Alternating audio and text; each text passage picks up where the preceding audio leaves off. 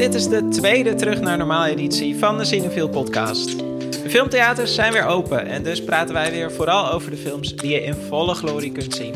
Maar we vergeten de kleine schermen niet, want Vitamine Cinefiel, ons thuiskijkplatform, blijft voorlopig nog online. We gaan vandaag drie films tippen die je nu in Cinefiel kunt kijken. Deze keer zijn dat de beste film van 2019 volgens het gezaghebbende Sight and Sound, een documentaire over James Baldwin en de nieuwe film van Xavier Dolan. We doen natuurlijk ook weer een fragmentrondje en aan het einde van de aflevering gaan we bellen met een Cinefiel Theater om te horen wat daarvoor leuks gebeurt en of iedereen netjes de pijlen volgt. Deze keer bellen we met Tom Ooms van Lab 111 in Amsterdam. En dat doen we allemaal nog steeds vanuit huis. Dat zul je er soms dus een beetje aan afhoren. Ik ben Erik Schumacher en ik ben redacteur van Cinefiel. En aan de lijn heb ik mijn collega's Fien Veldman en Robert Toelwijd junior. Hallo. Hallo. Hallo, welkom. Uh, en, en, Robert, driedubbel welkom aan jou, want het is je eerste keer in deze podcast. Ja, super spannend, super leuk. Ik heb er zin in. En we zijn echt, ja, we zijn echte corona-collega's, want je werkt nu drie maanden bij Cineville en we hebben elkaar al vaak gezien op Zoom, maar nog, nog geen één keer in het echt. Ja, het was een aparte periode dat uh, via Zoom iedereen ontmoette en dan zat er opeens een gezichtje bij die je niet eerder had gezien. Ik vind het ook zo gek dat ik geen flauw idee heb hoe lang jij bent. Ja, dat... dus... dat ik, ben, ik ben dus eigenlijk echt heel, heel erg lang. Uh, ja. ja. ik, ben, uh, ik ben ongeveer de grootte van een uh, luciferdoosje. Oh ja. en ik, ik, woon in een poppenhuis. Met, met een heel klein laptopje. Ja, nee, we, we doen het ermee. Maar uh, nou, we, gaan, we gaan elkaar vast uh, een keer in het echt zien. Maar uh, ah, bellen is ook gezellig. Ik heb, ik heb het bellen helemaal weer ontdekt. Omarmd? Ja? Omarmd. Maar zeg maar bellen of echt videobellen? Of maak je geen onderscheid? Ik vind dat onderscheid niet heel belangrijk. Jawel? nou, ik vind, ik vind zeg maar gewoon echt ouderwets bellen, zo aan de telefoon hangen, wel ook wel echt heel gezellig. Dat vind ik misschien nog wel chiller dan videobellen. Want dan kan je ook gewoon een beetje een soort van over straat lopen zonder dat je mensen in de weg loopt en zo. Ja, videobellen. Dat heb videobellen meer. Vind ik ook een beetje dat, dat oogcontact vind ik zo lastig. Dat ik uh, meer naar mezelf aan het kijken ben dan naar, naar dan een ander. ja. je hebt vooral oogcontact met jezelf. Ja, ja, ja, dat, dat voelt een beetje apart. Als je gewoon aan het bellen bent, dan kun je inderdaad gewoon wat meer uh, dat loslaten en gewoon je... Ja, wat meer gewoon echt op het gesprek focussen. Ja. Dat ja. vind ik wel chill. Nou, misschien moeten we gaan proberen om deze podcast met onze ogen dicht op te nemen. en te, te kijken, te kijken of dat... Ja. ja. Um, we, gaan, we hebben weer alle drie een film uh, die we gaan tippen. Uh, die in de Cineville Theaters nu te zien is, of binnenkort te zien, of op Vitamine Cineville is te zien. Uh, en ik wou beginnen met de tip van Robert. waar, wil, waar wil jij iedereen op afsturen? Ik uh, tip graag de souvenir van Joanna Hogg, die vanaf 2 juli in Cineville gaat draaien. Do you think she suspects that you creeped down to our bed? No. I thought we'd put Anthony down the end. It's not that kind of relationship anyway, is it? If she does, that was an amazing performance. You're very special, Julie. I don't think I am. Oh no, you don't think you are. Very normal, really. You're not normal at all. Begint voor mij alsof ik uh, in een café zit en er is een, een hele awkward date naast mij die ik aan het afluisteren oh. ben. Oh, heerlijk. en uh, naarmate de film verloopt, um, kom ik wel wat dichter bij het, het, het hoofdpersonage, Julie. Um, mm -hmm. en, en dan kom je toch wel achter van, oké, okay, het is een, een, intiem verhaal over uh, een jonge vrouw die haar stem aan het vinden is. Uh, het is een autobiografisch uh, werk dat voor mijn gevoel veel gaat over empathie en um, hoe anderen daar ook misbruik van kunnen maken. Maar ook hoe empathie uh, onderdeel kan zijn van je passie of uh, je calling. In dit geval is Julie um, net begonnen aan een opleiding aan de filmacademie. En je ziet hoe zij haar stem aan het ontwikkelen is en vanuit een positie van privilege graag een verhaal wilt vertellen over mensen met minder privilege. Um, mm -hmm. Dat zijn kleine details die zij uh, in, de, in de film verwerkt. En ergens is dat ook de stem van de regisseur Joanna Hogg. Een stem die, die ergens gaat over niet per se dingen die, die echt gebeurd zijn, maar dingen die wel waar zijn. Ehm, dus het, het voelt alsof zij heel erg geïnteresseerd is in de waarheid, maar niet per se de realiteit. Ja, mooi. Dus ergens een beetje tussen, tussen documentaire en fictie in of zo, wat ze maakt. Want wat, wat gaat ze maken voor, voor film? We zien uiteindelijk niet echt de film die ze maakt. Eh, we zien flarden van uh, scènes die ze aan het opnemen is. Maar het, het verhaal gaat eigenlijk over um, Julie en hoe zij omgaat met een redelijk toxic vriendje. Um, die veel druk op haar uitoefent. En dus degene is die misbruik maakt van de empathie van Julie. Hm. Um, en dat is een beetje die awkward date die je aan het uh, afluisteren bent. Er zijn heel veel momenten waarbij je zo van denkt... Ah, is dit wel oké dat ze dit tegen haar zegt? Eh, eh, waarom is er niemand die voor haar opkomt? Ehm, en zij voelt heel veel empathie voor hem en gaat daar eigenlijk in mee. Maar ehm, Hij maakt daar misbruik van eigenlijk. ja, ja. En, en ik, het voelt ook heel erg persoonlijk. En eh, in dat opzicht denk ik dat het de, de grens tussen documentaire en fictie eh, vervaagt. Omdat het een autobiografisch verhaal is. Waarbij je echt merkt van oké, dit is iets wat de regisseur wel heeft aangevoeld en eh, probeert te Ja. vertalen. Er zijn ook wat hints die je ook echt letterlijk het gevoel geven van oké, ja, dit is niet alleen maar het verhaal van Julie, maar ehm, het is een- van die meta-stukjes waarbij Ja. eh, er is een moment waarbij ze in de camera kijkt en dat je denkt van oké, het gaat Ja, niet alleen maar ja. over, over haar. Ja, altijd, altijd fijn van die, eh, dat de vierde, hoe heet dat? De vierde? Fourth wall, ja. de fourth wall. ja. Ja, de souvenir. Eh, hij is vanaf eh 2 juli te zien in allerlei eh Cineville theaters. En het maakt onderdeel uit van eh, Previously Unreleased. Waarin allerlei films eh, waarvan je zegt... Hoe kan het nou dat die de Nederlandse bioscoop niet gehaald hebben? Want de souvenir is, Ja. is supergoed ontvangen in het buitenland. Is- Zelfs is dus- Obama had hem op zijn lijstje. Obama had hem op zijn lijstje. Echt? Ja. Nou, dan weet En- je wel. Er was, was geen distributeur in Nederland eh, die dacht... eh, hier, hier moet ik wat mee. Eh, dus elk jaar eh, ja, brengt I dan via Previously Unreleased... een aantal eh, titels in, premie- eh, in, in relatie... eh, die anders niet de Nederlandse bioscoop hadden gehaald. En ja, er zitten altijd heel mooie Ja, is echt tof. verrassingen Echt tussen. Dus sowieso, ja, sowieso de moeite ook om te kijken naar eh, wat daar verder voor films bij zitten dit jaar. Fien, ik wou jou eh, vragen wat jouw tip is deze keer. Ja, mijn tip. Mijn tip staat op vitamine Cineville. Dus die is online. Kan je gewoon vanaf je bank kijken. Mijn tip is I Am Not Your Negro. Eh, dat is een documentaire uit 2016 over James Baldwin. If any white man in the world says, give me liberty or give me death, the entire white world applauds. When a black man says exactly the same thing, he is judged a criminal and treated like one, and everything possible is done to make an example of this bad nigger so there won't be any more like him. The story of the Negro in America is the story of America. It is not a pretty story. I Am Your Negro eh, is gebaseerd op het onvoltooide manuscript eh, van Baldwin, eh, getiteld Remember This House. En dat was een boek dat hij wilde schrijven over ja, drie voorvechters, zal ik maar zeggen, van de burgerrechtenbeweging in de Verenigde Staten. Namelijk Medgar Evers, Malcolm X en Martin Luther King. En Baldwin wilde daarmee eh, ja, een, ver- een verhaal vertellen over, eh, over Amerika, de Amerikaanse maatschappij. eh, verteld via dus de verhalen van deze drie mannen.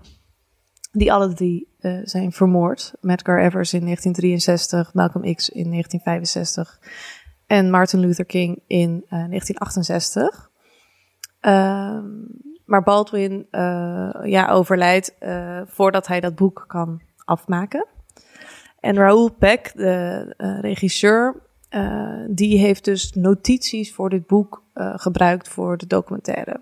Want hij is naar de zus van James Baldwin gegaan en heeft gevraagd van mag ik in het archief eigenlijk kijken, want ik wil heel graag een film maken over James Baldwin en zijn werk. Maar hij wist nog niet helemaal wat hij, wat hij wilde gaan doen. En toen kreeg hij dus van, van, uh, van die zus ehm, uh, deze, dit notitieboek, of deze notities, een collectie van notities. Uh, het is wel en, echt, een, echt een soort hevige verantwoordelijkheid die je dan ja. op je neemt als maker om te zeggen van, oh ja, ik ga van James Baldwin, een van de grote literaire stemmen van onze tijd. Nou, uh, echt, ja. Die ja. aantekeningen van hem, die, die maak, ik, uh, maak ik af of zo. Of ik kan dit verhaal, ga ik vertellen. Dat, dat is ook echt best wel een soort van intense opdracht. En ik, uh, nou ja, dit, deze notities zijn ook in... Oh, er valt iets. In boekvorm uitgegeven. Ik was dit boek aan het pakken, want dat wilde ik aan jullie laten zien. Maar de podcastluisteraars ja, kunnen dat podcast. natuurlijk niet zien. maar toch. Maar, maar laat duidelijk zijn dat Fien dit boek heeft. Ja, en het is echt een heel een super interessant boek. Um, uh, want dat zijn dus gewoon al die notities. Uh, en die zijn dus ook uh, met een introductie van Raoul Peck. En dat is heel handig. En daarin is hij ook dus enorm bescheiden. En echt zo, nou, daarin zegt hij eigenlijk precies wat jij nu net zegt, Erik. Van ja, het is een enorme verantwoordelijkheid om dit te doen. En durfde ik het wel aan? Want ik heb sommige dingen, zeg maar, net iets anders. Ja, ik heb zeg maar. Het begin van de ene scène en dan het eind heb ik ergens anders vandaan gehaald. Maar wel allemaal uit die notities, maar toch wel op een andere volgorde soms neergezet. Um, dus daar is hij heel, nou, is hij en heel open over en ook wel bescheiden. En dat is wel, vond ik heel interessant om, er, om erbij te hebben eigenlijk. Want ja, die film kijken is sowieso echt een prachtige film en prachtige teksten. Eigenlijk had ik de hele tijd het idee van, ik, oh, ik wil dit opschrijven of zo. En toen bedacht ik weer, oh, ik heb het boek, dus dat hoeft dit. Uh, maar echt heel, het is gewoon super goed gearticuleerd. Uh, uh, zijn ideeën en ja, dat, dat is er gewoon heel erg bijzonder aan. Hoe, hoe precies en scherp hij zaken weet te formuleren. Dus dat, dat is nou ja, sowieso al een, een, een, uh, een tip. Daar, daarom alleen al, omdat, omdat uh, schrijftalent van, uh, van Baldwin, dat, dat, dat spat er echt helemaal van af. En het is gewoon een enorm indrukwekkend verhaal, maatschappelijke kwestie, die natuurlijk ook gewoon enorm actueel is. en het is ook een hele scherpe kritiek van, niet alleen van de maatschappij en een soort van de cultuur van een land, maar ook van bijvoorbeeld populaire cultuur, dus bijvoorbeeld films. hoe daarin dan zwarte mensen worden, worden geportretteerd. Uh, wat die representatie betekent, wat voor effecten dat heeft en hoe lang die ook doorwerken, al die culturele machtsverhoudingen. Dus ja, het is echt, ik vond het echt een fantastische film en ook gewoon heel erg mooi. En ja, dus dat is mijn tip. Ja, het, la het laat zien ja. hoe diep, hoe diep die, ja. die problemen zitten. Hè? Hoe diep dat zit, hoe lang het doorwerkt en ook in wat voor, op wat voor manieren dat ook allemaal doorwerkt. Hij zegt op een gegeven moment uh, iets over. Uh, hij zegt: het realiteitsbesef van de onderdrukten wordt ondermijnd door een samenleving waarin alles wit lijkt. Dus zeg maar dat het gaat over zo'n realiteitsbesef. Weet je wel, dat vind ik gewoon zo interessant. Dat, dat hij dus niet alleen zegt van een samenleving waarin alles wit lijkt is oneerlijk of zo. Ik bedoel, ja, dat is het. Maar dat hij dan dus ook zegt van dat heeft invloed op het realiteitsbesef van mensen. Omdat ze dan daardoor ook nog gaan denken dat het zo hoort of dat er zo, weet je ja. ja. Uh, dus dat, uh, ja, hij weet dat zo, op zo'n manier te formuleren, waardoor je er echt weer, uh, ja, waardoor je echt hele nieuwe inzichten krijgt, of in ieder geval inzichten die je misschien ergens wel al achter in je hoofd had, maar die nog nooit iemand zo goed heeft opgeschreven als James Baldwin. Dus dat, ja, ja, dat is echt enorm. Ik vond het ook heel mooi om te zien dat die, um, ja, er is een gedeelte in, in de film waar het gaat over dat hij een soort van witness of een getuige is um, mm -hmm. geweest in die, in, die, in die tijd. En dat hij ook een soort van die taak op zich voelde. Um, dat vond ik ook wel mooi om te zien hoe hij soort van dat allemaal heeft meegemaakt en van heel dichtbij heeft gezien. Ja. En uh, ja, die mensen die, we hebben het over Martin Luther King en, en Malcolm X, maar dat zijn mensen die hij heel, van heel dichtbij heeft gezien en meegemaakt. Ja. ja. En dat is best wel indrukwekkend. Ja, dat klopt. Dat, is, dat ze echt, uh, ja, hij krijgt dan ook echt gewoon zo'n telefoontje als Martin Luther King uh, vermoord is. Uh, oh, ja. Weet je wel, en dat is dan de derde ja. eigenlijk in zo'n rij en dat, eh, ja, de- dus hij, is, eh, hij, is heel, hij staat heel dichtbij deze mensen. En, en ik was deze drie mannen, ja, die, die vechten op echt heel verschillende manieren eigenlijk eh, deze strijd. Maar eh, ja, Baldwin inderdaad, die voelt zich dan zo'n soort van eh, ja, een getuige. En hij, weet je wel, hij is activistisch op zijn eigen manier, maar dat is wel heel anders dan, eh, dan hoe, hoe zijn vrienden dat, eh, dat deden. Ja. Ja. Nou, je kunt hem eh, nu kijken op vitamine Cineville. Wat ik, wat ik ook eh, heel mooi vind aan I'm Not Your Negro is de, de, de, ver- de vertelstem van Ja. Samuel L. Ja, ja, ja. Jackson. Die Ja. eigenlijk een, een heel ander timbre aanspreekt dan je van hem gewend bent. Ja, Ja, Maar klopt, die ja. het prachtig voorleest. ja. maar af en toe bij Souvenir die, zit... die S'en en die T's, dan hoor je wel van, oh ja, dat is hem. Hij heeft een soort van aparte Ja. Ja. Eh, nou, in de souvenir zit ook, zit ook een voice-over. En er is nog een film eh, die eh, deze week weer in relatie gaat. Een klassieker uit 1994. The Shawshank Redemption. Waarin natuurlijk ook een geweldige voice-over zit. Van Morgan Freeman. ja. Ehm, dat is volgens mij, als je, Ja, als je op sterven draagt ligt en je leven echt, flitst ja. aan je voorbij, dan wil je gewoon dat Morgan Freeman dat verhaal vertelt. Ja, precies. ja. Uh, dus ik wou eigenlijk uh, voor ons fragmentenrondje... Uh, wou ik jullie vragen naar jullie uh, favoriete voice-overs uit de filmgeschiedenis. Of jullie daar een stukje van konden laten horen. Uh, Robert, welk, aan welk fragment moest jij denken? Um, ja, ik moest eigenlijk meteen wel denken aan Silence van Martin Scorsese uit 2016. Um, is voor mij een, een, recente herinnering van een film met een voice-over. Um, mm-hmm. Maar um, als ik denk aan voice-overs, ze krijgen best wel veel um, vlek voor uh, dat ze makkelijk zijn. Volgens mij zit er een hele Zeker. grappige quote in. Uh, is het Adaptation? Met, uh, ja. Um, ja, dat zou. Ja. Dat het een soort van lazy filmmaking is. Um, ja, hij gaat dan. Hij gaat dan uh, dus die film gaat over een scenarist. En die gaat dan naar een screenwriting workshop. En dan op een gegeven moment gaat hij daar zitten. En dan hoor je zo, soort van hoor je in de voice over wat er in hem omgaat. Van ik haat mezelf, wat doe ik hier? En dan zegt die, die, die man die die workshop geeft op heel agressieve toon van. En uh, voice-over narration is het stomste wat er is. ja, echt een perfecte scène. ja. Maar, maar dat is toevallig dan ook voor mij, voor mijn gevoel dan ook wel een perfecte manier waarop een voice-over dan wel weer effectief is. En ik denk, voor mij is voice-over wel vaak een soort van uh, iets wat of heel muzikaal kan overkomen. Um, bijvoorbeeld in Trainspotting, dat hij um, uh, choose life, choose. Het, het geeft ja. een soort van ritme ja. aan de scène. Ja. En ja. dat vind ik wel echt heel mooi. Um, in, in Silence is het uh, iets wat inhoudelijk volgens mij voor mij heel veel betekent. Omdat het, het echt laat zien van ja, iemand die echt aan het bidden is en voor zijn gevoel dan naar, naar stilte aan het bidden of met stilte aan het praten is.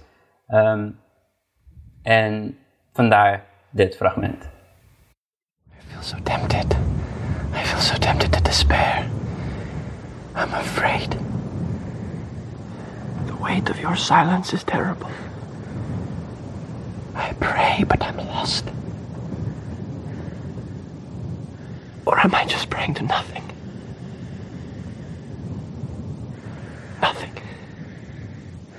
Because you are not there. Mooi, hè? Mooi, uh, ja. mooi fragment. Ja, super intiem. En ik denk dat het in, deze in, in deze scène vooral zo is... Dat je, je zou het op verschillende manieren kunnen doen... dat iemand dan heel zachtjes aan het fluisteren is... en dat je dat dan ook echt in de scène hebt. Dat, zo zou je dat kunnen uitbeelden. Maar ik denk dat het krachtiger wordt... door te zien dat dit echt in iemands hoofd afspeelt. En in, in ja, iemands verbeelding. In zijn hoofd ook aan het fluisteren ja, is. Ja. ja. Dat is ja. bijzonder, ja. Um, ik, ik had een uh, fragment, heb ik meegenomen, uit de film Radiance van Naomi Kawase uit uh, 2017. En dat is eigenlijk een film die echt gaat over voice-overs. Um, maar ja, over voice-overs, over audiodescripties bij films voor blinden en slechtzienden. Um, dus dat is eigenlijk uh, ja, voor blinden en slechtzienden.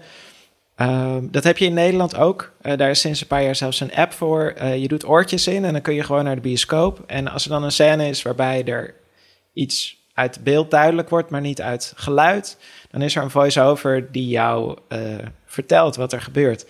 En eh, in Radiance, die film gaat over een vrouw die dat werk gaat doen, die daar teksten. Sorry. Oh jee, droge hoest. Oh oh. Oh, oh. Uh, Radiance gaat over een vrouw uh, in Japan, uh, Misako. En zij, zij gaat het werk doen. Zij gaat audiodescripties maken. En zij, ja, dus zij schrijft dan de teksten in die, stille stuk, voor die stille stukjes in films. En zij moet die dan voorleggen aan een panel van blinden en slechtzienden. Die dan gaan zeggen of dat een beetje ergens op slaat, die tekst die zij verzint. En dan is er een van die panelleden, Nakamori, en met hem krijgt ze een uh, bijzondere relatie. Um, hij heeft veel kritiek op haar, want de teksten die zij schrijft, zegt hij, daar vult ze te veel in. Er blijft geen ruimte voor hem over om iets te voelen. Um, en dat is natuurlijk ja, iets, een algemeen punt wat je over voice-overs kunt maken. Uh, maar zeker blinden en slechtzienden, die hebben vaak juist een enorme verbeeldingskracht. En die wil je niet inperken met zo'n uh, voice-over. En ik heb toen, toen die film uitkwam, uh, heb ik voor Cinefiel, voor een stuk op de website, een vrouw geïnterviewd die dit werk doet. En het is zo'n oh, ja. mooi ja. werk. je moet als beschrijver zo precies en gevoelig zijn. Um, en, en Radiance maakt daar iets heel teders van tussen twee mensen. En het, het fragment wat ik heb meegenomen... Uh, dan zitten ze samen, uh, Misako en Nakamori, in zijn huis. En het zonlicht valt heel mooi binnen. En hij vertelt dat hij uh, expres een huis met zoveel mogelijk zonlicht heeft gezocht. toen hij nog een beetje kon zien. maar inmiddels is hij helemaal blind geworden. En dan gaat zij ja, eigenlijk als een live voice-over aan hem het licht in de kamer beschrijven. Um, en ik heb daar een fragmentje van. Het is natuurlijk in Japans. Niet iedereen spreekt Japans. Dus ik zal eerst even zeggen.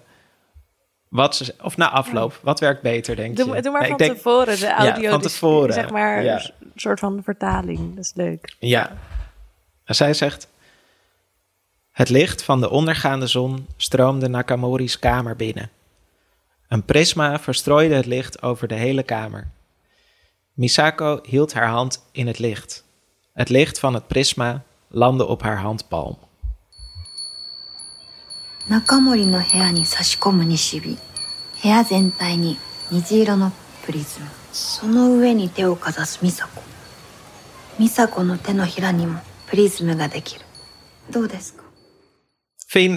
wat voor voice-over heb jij meegenomen? Ja, mijn voice-over. Nou, ik dacht eerst van, oh, wat een moeilijke vraag. Want ik hou dus niet zo erg van uh, voice-overs. Maar toen besefte ik me opeens dat Bridget Jones' Diary natuurlijk gewoon een voice-over oh. heeft.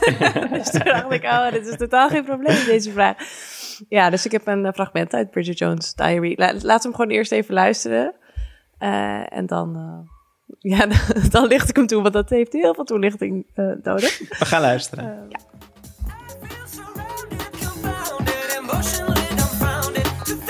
Oh joy, I am broadcasting genius. Celebrating by cooking birthday feast for close friends. Have sneaking suspicion I'm also something of genius in the kitchen as well. Tie flavour enhancing leek and celery together with string. Right, string, string, string, string. Perfect. Fien, ja. vertel. ja, nou ja, gewoon alleen al dat oh joy, I'm a broadcasting genius, zeg maar. Ja, ik zou willen dat ik dat denk als ik bijvoorbeeld deze podcast terugluister. Uh, dat ik dan gewoon Ja, want zij oh, is, joy, dus, zij is een broadcast, dat is haar werk. Ja, ze, werkt, net, uh, ze een- werkt bij de televisie en ze heeft net een, echt een succes uh, behaald. Terwijl ze Ja. verder dus een beetje, ja, echt zo'n archetypisch uh, romcom figuur is. Uh, omdat ze dus, ja, een 32-jarige Normaal gesproken vrouw zou is. ze, zou ze in een taartjeswinkel werken of zo. In Ja, precies. romcom. Ja, ja oké, dat is inderdaad wel waar. Uh, in, in dat opzicht is ze nog best wel origineel. Maar ze is wel, weet je wel, haar, haar belangrijkste eigenschap is dat ze gewoon heel klungelig is, bijvoorbeeld. Uh, en ze is 32 en nog single. En daar gaat eigenlijk gewoon het Oei. hele verhaal over. Omdat dat dan heel erg is. Ehm, maar goed, en dat, eh, dat is natuurlijk heel- dat strookt totaal niet met mijn feministische waarden. Maar toch vind ik dit dus echt, een, ja, echt een heerlijke film. 32 ook, wat een drama. Ja, Ja, dan kan je het maar beter opgeven. ze heeft het ook de hele tijd over dat ze een old spinster en zo gaat worden. En al Oh, dat soort dingen. En het begint ook met eh, All By Myself, die, die, dat, eh, dat lied. Eh, dus ja, maar dit is dus wel een scène waarin ze dus even heel erg vrolijk is en heel veel succes heeft, eh, omdat ze dus een broadcasting genius eh, is. Ja. En daarna gaat ze koken en dat, dat, daarom heeft ze dus een blauw touwtje nodig. Of een touwtje nodig en dan, dan vindt ze dus een blauw touwtje en dan wordt die soep helemaal blauw. Dus het is echt zo'n soort van ja, slapstick-achtig eh, gebeuren af en toe, maar eh, ik vind het echt een En ze heeft het dus erg, eigenlijk meer fijne- tegen zichzelf dan tegen de kijker. Ja, of Of zo, ja, hoe je je dagboek. Ik bedoel, dat is misschien Ja. voor andere mensen anders. Maar ik denk, ja, het is echt in zo'n dagboekstijl. Dus gewoon, zij Ja. ervaart de realiteit op deze manier. En zij denkt gewoon van, oh, ik ben echt, ik had het echt fantastisch op mijn werk. Dus dit en dit en dit. Eh, dus die, die, die voice-over. Ja, is gewoon hoe zij haar leven ervaart en hoe, wat ze denkt van de mensen die ze tegenkomt. Helaas gaat het ook voor een groot deel over haar gewicht, wat echt heel deprimerend is. Eh, maar dat moet je dus gewoon even negeren. Eh, want verder heeft het allemaal leuke Britse humor en awkwardness en zo. Dus, eh, en daar, daar hou ik wel van. Nice. Eh, nou, jullie hebben allebei een film mogen tippen. Ik wil er zelf ook graag nog eh, eentje tippen. Ja, vertel. Eh, en eh, dat is een film die vanaf nu overal in Cineville te zien is. Het is eh, Matthias et Maxime. Je l'avais pas dit qu'il y a une gosserie avec son esti de film blanc. Là, t'as dit à Mike que t'allais faire tes affaires de ton côté. Fait que fais tes affaires de ton côté, puis arrête de faire chier mes amis que t'es des marques. C'est pas une idée de marque, là. C'est juste que ça aurait été pas que tu nous avais. Qu'est-ce que ça fucking change? Arrêtez pas de comme faire des tresses puis genre de wrestle comme les c'est vrai qu'ils se sont French en secondaire 3? Ouais, un classique. Ouais, c'est pas un classique tant que ça, sinon Matt il l'aurait pas oublié. Mais c'est clair que Matt écrira pas sur l'autre de son char. euh, J'ai Frenché Max secondaire 3. Never forget. Ja, het is de nieuwe film van Xavier Dolan. Eh, het, eh, het wonderkind uit Canada. Niet zo'n kind jaar geleden. meer, toch? Nee, nou ja, nog, nou ja, hij is jonger dan Bridget Jones. Ehm, en hij heeft echt al twintig films gemaakt of zo. Ja, super prolific. Ja, hij is iets van 19 of zo maakte die J'ai tué ma mère, die volgens mij in Cannes meteen draaide. Ja. En, eh, maakt sindsdien gewoon elk jaar een film. Ehm, voor mij is Mommy, die, die, die heeft hij volgens mij uit 2014, Ja. eh, is echt een van de gezichtsbepalende films van de jaren 10. Ja, dat is echt een super vette film. Sommige mensen vinden zijn films ook heel erg irritant. dat is wel Nou, hij heeft gewoon een hele specifieke stijl. Ja, het, Dat, gaat over, eh, het gaat over hipsters, vinden mensen dan. Dat het allemaal over hipsters Oh, ja, ja, gaat. ja, Ehm, het is eh, soms een beetje dramatisch. Ik bedoel, er wordt, eh, het wordt, er wordt, ik, ik keek deze film, Matthias en Maxime, en ik dacht, ze staan eigenlijk te acteren alsof ze op een eh, podium staan in een theater en de achterste rij ook eh, willen bereiken. dus het is niet. ehm, het is niet heel realistisch klein gehouden of zo. En het is misschien ook een beetje eh, een spel met kitsch. En zijn laatste films vond ik ook niet allemaal even goed eigenlijk. Eh, of gewoon niet zo goed. Ik was het een beetje... Ik was een beetje teleurgesteld aan het raken in dit, in dit wonderkind. Maar nu dit... ehm, Matthias en Maxime. Ik ben weer helemaal verliefd Ja? op Xavier je weer Dolan. terug? Ja. Terug bij Xavier? ja, ik ben echt... Ja, ik ben ook een beetje verrast. En ik denk ook een beetje, ben ik nou gek? Want eh, ja, hij is een, een beetje lauw ontvangen. En er waren weer mensen, zag ik al online, die dit... Kijken. Toen plaatsten wij een berichtje volgens mij over deze Ja, film. Toen reageerde. Ja. Dat is echt heftig. Toen- Toch? Iemand tagt Ja. iemand anders van... Oh, dit trauma of zo. Ja, ja, ja. Nooit meer herbeleven. Dus Ja. ik dacht van, Ja. nou, oké... eh, ik ga ervoor zitten. eh, we zien het wel. Maar ik vond het echt een eh super mooie film. Cool. Eh, op, ja, op de fiets naar huis kwamen de traantjes zelfs. Oh. Ah. het Oh, gaat ik wil over... ja, ik, kan, ik hoef niks meer te zeggen. Nee, als dit gebeurt, denk ik nou.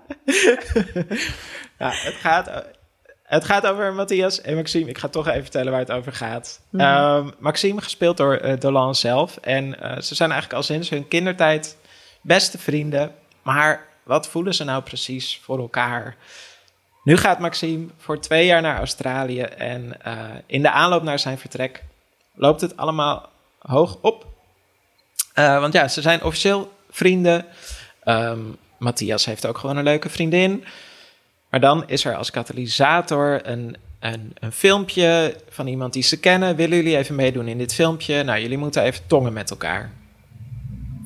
En eh, daardoor, ja, dan gaan ze dus zoenen. En daardoor ja, worden er ook in hun allerlei gevoelens wakker gekust. Oh, wat mooi gezegd, Erik.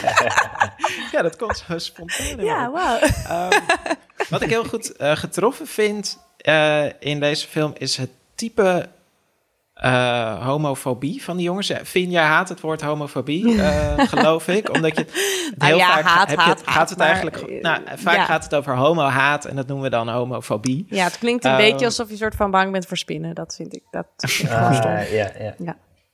Maar in dit geval is het, gaat het wel echt over de angst ook om zelf homo te zijn of als Mhm. homo eh, gezien te worden. Maar het speelt dan wel onder een soort van jongeren van nu. Dus het is ook wel weer, ze zijn op zich best progressief of zo. Ik bedoel, ze gaan ook gewoon voor zo'n filmpje met elkaar tongen. Dat eh, als je een enorme homo-hater bent, doe je dat, doe je dat ook nee, niet. dat klopt. Ja, ik denk inderdaad ook Maar- wel van met die angst daar, om zelf homo te zijn. Dat is ook wel, dat is natuurlijk ook wel gewoon echt iets. Dat, eh, Ja. dat wil ik zeker niet ontkennen. Nee. Nee, en da- daar, daar gaat dit dan meer over. Ja, ik bedoel, en ze schelden elkaar ook uit voor homo en zo. Ik bedoel, Ah, ja. er, zit, er Ja. zit dus ook, in- ja, wel echt ook een beetje de klassieke homo-haat zit erin. Maar ja, je ziet ook heel erg, want- en wat natuurlijk altijd al heel, erg bij eh, sommige jongens onder elkaar hoort, is dat je ze elkaar heel erg aanraken de hele tijd. Gewoon die hele Mhm, vriendengroep, ja. weet je wel. Dan gaan ze zwemmen en dan allemaal die naakte lijven op elkaar. en eh, eh, ja, gewoon ja, gewoon hoe die mannen dan lekker aanraken. Eigenlijk Ja. gewoon van die jonge gasten die niet van elkaar af kunnen blijven. Lekker maar dan van, stoeien. oh nee, lekker stoeien. Maar oh Ja. nee, ik ben, ik ben, nee, wacht even, ik ben geen, ik ben geen homo, weet je wel. Ja, ja. Ehm, dus dat, eh, En hoe, Ja. eh, hoe, hoe eh, zeg maar, gaat die film daar echt veel over? Of zeg maar, hoe brengt hij dat in beeld? In een soort, met een soort van Nou, detachment? meer- Of, oh, Nee, het gaat voor mij naar. meer over eigenlijk ehm, dat zi- zich zo'n enorm gevoel aandient. Ja. En dat is denk ik ook misschien nou, een reden, ja, ik weet niet waarom mensen. Je, je- moet misschien het type persoon zijn dat zoiets soms heeft. Dat je het leven soms als extreem dramatisch ervaart. en opeens dient zich een gevoel aan. En in dit gevoel is het dus van: oh, ik, weet je wel, ik hou van hem. Ik wil bij hem zijn. Ik wil met hem zoenen. Uh, maar ik, dit, dit, dit past nu niet. Ik heb een relatie. Weet je wel, alleen dat al. Dus er, er is natuurlijk die verwarring van: ben ik homo? Maar er is ook gewoon van: ik heb nu een, een relatie. Dit, dit kan helemaal niet. En Ja. dan het gevoel hebben dat je dat. Dat je dan dat, dat drama dat van binnen zit, dat je dat dan in stilte moet ondergaan. dus dat zit echt ook, dat zit in allerlei personages in deze film. Ah, ja. Van mensen die dan van buiten nog wel een beetje functioneren, maar van binnen doodgaan. en eh, ja, ja. ik denk dat dat misschien eh, dat ik dat ook wel eens heb. dat, ik, dat het mij daardoor, daardoor zo raakte of zo. Super relatable. Ja. voor jou ook? Ja, ja. Ja. maar je hebt hem nog niet gezien, eh, Matthias en Maxime, Nee, nog niet. Nee, nog niet. Nee. Maar eh, hij staat nu op mijn lijstje. Ja, dan moet jij er ook naartoe. We gaan even bellen met een cinefiel theater. Om te horen hoe het daar gaat. En of iedereen zich netjes aan de regels houdt. En wat voor leuke dingen er gebeuren. En deze week bellen we met Tom Ooms van eh, Lab 111 in Amsterdam. Ik ga me even toevoegen aan dit gesprek. Kijk, daar is hij. Hey, welkom. Hallo. Hallo. Leuk dat je met ons wilde bellen. Hoe, hoe gaat het nu met jullie? Ja, nou ja, het is zo raar om te zeggen dat het goed gaat, want eh, het is, eh, je beoordeelt alles binnen een kader van zover het mogelijk is. Namelijk in dit geval bij Ja. ons eh 30 mensen in de ene zaal en 10 mensen in de andere zaal. En eh, gezien hoeveel mensen erin kunnen, ben ik heel erg blij dat er hartstikke veel mensen gaan. En eh, dat er eh, op ons heropeningsprogramma, waar we zoveel mogelijk films hebben gedraaid die je eigenlijk weer moest zien. Of misschien nog een keer wilde zien. Of eh, ehm, iets in die categorie. Dat daar wel heel veel mensen naartoe zijn gegaan. En dat je dus ook zag dat er een enorme. ehm, dat mensen echt heel lang thuis hebben gezeten. En in die periode heel erg de wil hebben gecreëerd om er weer uit te trekken. En om eh, weer van eh bioscoopbezoek te genieten. Wat goed. Ja, als zo- zo'n zaaltje met tien mensen, ja, programmeer je dat dan gewoon zodat, zodat er weer wat beweging is? Of, is het mogelijk om daar echt iets aan te verdienen? Nou, dat is wel, dat is wel lastig. Ehm, ehm, het was ook heel erg. ehm, eh, ik wil niet in de minutia van eh, de, de programmeursleven treden, want dat is totaal niet interessant. Maar het was wel een beetje een, een, een zoekplaatje hoe we films konden programmeren die er ook voor zorgden dat we ehm, ehm, ehm, zo- zodanig films konden boeken dat we er iets aan over zouden houden. Eh, Het is eh, bijvoorbeeld in deze periode heel erg moeilijk om te doen wat ik eigenlijk het liefste doe. En dat is namelijk een repertory cinema zijn. Eh, zoveel mogelijk oude films draaien die misschien binnen een hedendaagse context eh, op een andere manier weer beleefd kunnen worden. En Dat is, dat is gewoon heel lastig, want die films zijn heel erg duur, eh normaliter. Dus ehm, dat is nu een beetje lastig. Maar eh, we were En- finding our ways. En wat was de eerste film die weer eh, draaide in uh, het Hout? Oeh, volgens mij was dat een. ehm, eh, het is nu heel raar om te zeggen dat dingen uit zijn verkocht. Want het is. eh, volgens mij elke, elke eerste en tweede avond is bij ons uitverkocht. Maar ja, dat is een beetje damning with faint praise. Want. Eh, ja, der- nou, als je er geen 30 mensen kan krijgen, dan, eh, dan, dan moet je, doe je het ook Nee, niet maar goed. toch, het klinkt wel goed, toch? Nee, ja, ja, zeker. Ja. Nee, ja, het is, het is heel raar. Dat moeten we gewoon nu pakken. Ja, het is ook zo raar om dan te kijken naar bijvoorbeeld hoe onze zaal 2 het doet. En er, daar zijn dan zes kaarten verkocht. En dan denk ik, nou, dat is wel weinig. Maar ja, als je kijkt dat er maar tien mensen in kunnen, is het op zich wel weer positief. Want het is meer dan de helft. Dus Gewoon in percentages denken. ja, precies. Laten we inderdaad gewoon een positief gevoel eraan overhouden. Ja, dus. ja. Maar volgens mij was de eerste was, eh voorpremière van Ema. Wat heel curieus was, want dat was namelijk ook de laatste film die we, of de laat, het laatste tussen aanhalingstekens evenement wat we eigenlijk hadden hier. Eh, we zouden een soort ehm reggaeton party ding doen met een inleiding van Job de Wit die Ja. wat videoclips laten zien en we hadden een oud collega van mij waar ik ook samen het Female Frame programma mee heeft gedaan. Zij is reggaeton DJ en zij zou eigenlijk eh, plaatjes draaien in, in, ons, in, ons, in ons bar. Dus eh, nou ja, dat, en dat, dat verdween gewoon zo. Ehm, dat is het, be- het begin van alle leuke dingen moeten stoppen. Maar die draad hebben jullie dus meteen eigenlijk weer een beetje opgepakt met de eerste Ja, nou ja, ik vond wel dat mensen die, die die film weer, eh, of weer, dat mensen de kans nog moesten krijgen om die film te zien. Eh, Ja. eh, dus dat, eh, dat was En in, die, in de tussentijd, hoe ging dat bij jullie? Wa- Waar, waar hebben jullie mee vermaakt?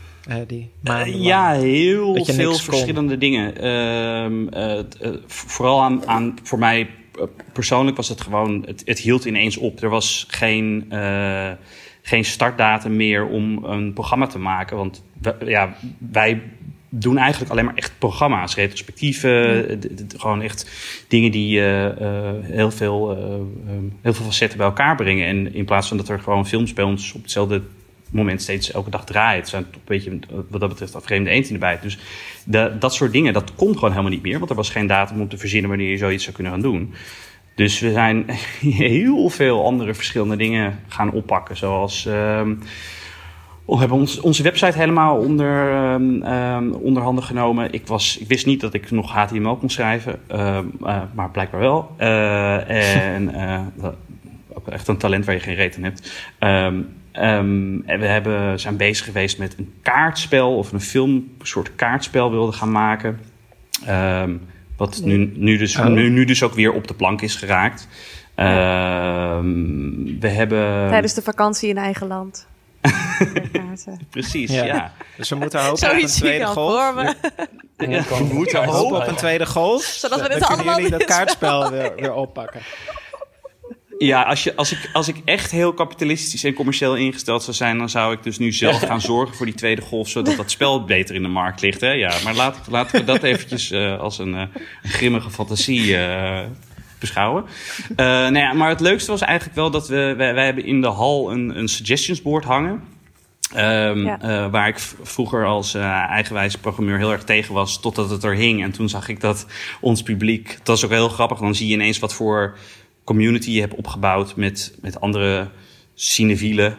Du- dubbelzijdig in dit woord, of in, in, deze, in deze context. Maar, eh, eh, en dan zie je dat mensen gewoon echt te gekke suggesties hebben. En daar hebben we al een Ja. paar keer een programma mee gedaan. Maar ja, die suggesties die konden ze natuurlijk ook niet meer opkomen schrijven hier in de foyer, want we waren dicht. Dus toen hebben we besloten om dat eigenlijk ook online te ontwikkelen. Dus we hebben nu online ook een suggestions board... waar echt bijna elke dag wel iets op wordt gezet... waar je ook weer kan stemmen op elkaars keuzes. Eh, eh, wat de mensen ook best wel stevig doen. Dus eh, eh, volgens mij is maanden geleden heeft iemand Memories of Murder opgezet... en die is door de maanden heen dan weer heel erg omhoog gestemd. En komt er ineens weer een anime... en dan komen er allemaal anime-vrienden van diegene... die dan weer die film omhoog stemmen. En het zijn ook altijd de films die, ja. die heel moeilijk te boeken zijn... die mensen heel graag willen zien.